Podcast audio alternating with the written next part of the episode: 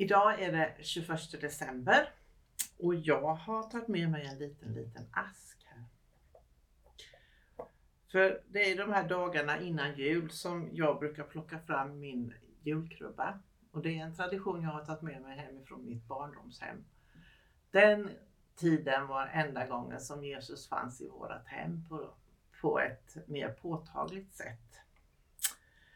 Så nu tänkte jag att du skulle få vara med mig och titta på mina, mina små, små, små, små figurer som jag tycker är viktigast. Eller som jag har tänkt mycket på det här året. Det är åsnan. Det är Josef. Och det är Maria. Och så har vi krubban. Och ett jättelitet Jesusbarn.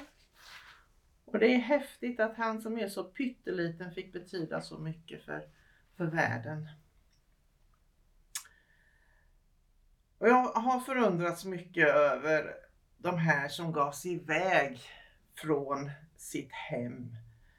En stor och lång förflyttning på ungefär 13-14 mil med en liten åsna som hjälpmedel.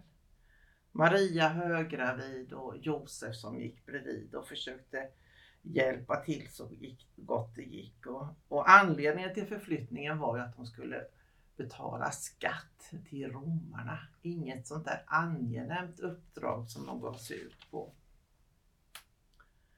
En plågsam resa och jag tänker att Maria kanske började få sina födslovärkar i slutet på den här resan som jag tror kanske tog en vecka, tio dagar när man bodde i tält i öknen och i, på, utmed vägkanterna. Hon säger till Josef att nu tror jag snart att det är dags och nu måste vi komma fram till Betlehem snart. Och så ser de Betlehem långt där framme och kommer in i staden. Och möts av en rörig stad och oron ökar och ingenstans har hon att ta vägen. Tills hon hittar, eller Josef och hon hittar stallet. Och ett stall, vad är det för plats att föda barn på? Men så blev det. De här trötta människorna skulle ha ytterligare en prövning och det var att föda barn i ett stall bland djur och bland lukter och dofter och människor som var utanför som stojade och stimmade.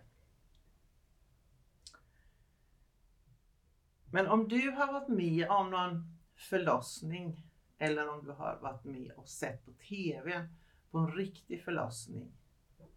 Då vet du att när bebisen kommer ut, när barnet kommer ut, då blir det så förundligt stilla i förlossningsrummet.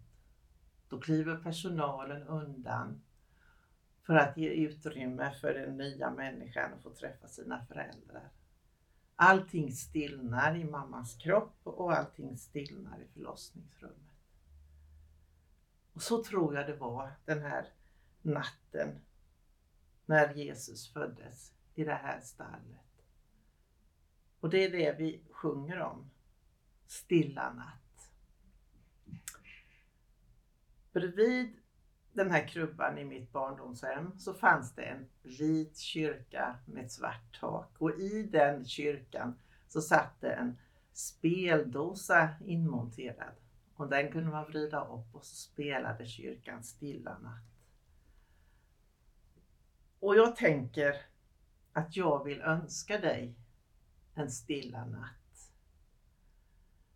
Du som finns där det är oro omkring dig du som lever i väntan på någonting, uppehållstillstånd, att ditt asylärende går igenom, att du får bidrag från socialtjänsten, att din LSS-ansökan går igenom, att du får pengarna att räcka till det som du behöver kring jul.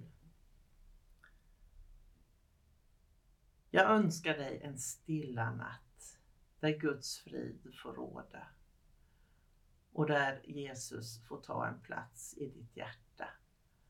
Och att kärleken till dina närmaste är den viktigaste gåvan du kan ge.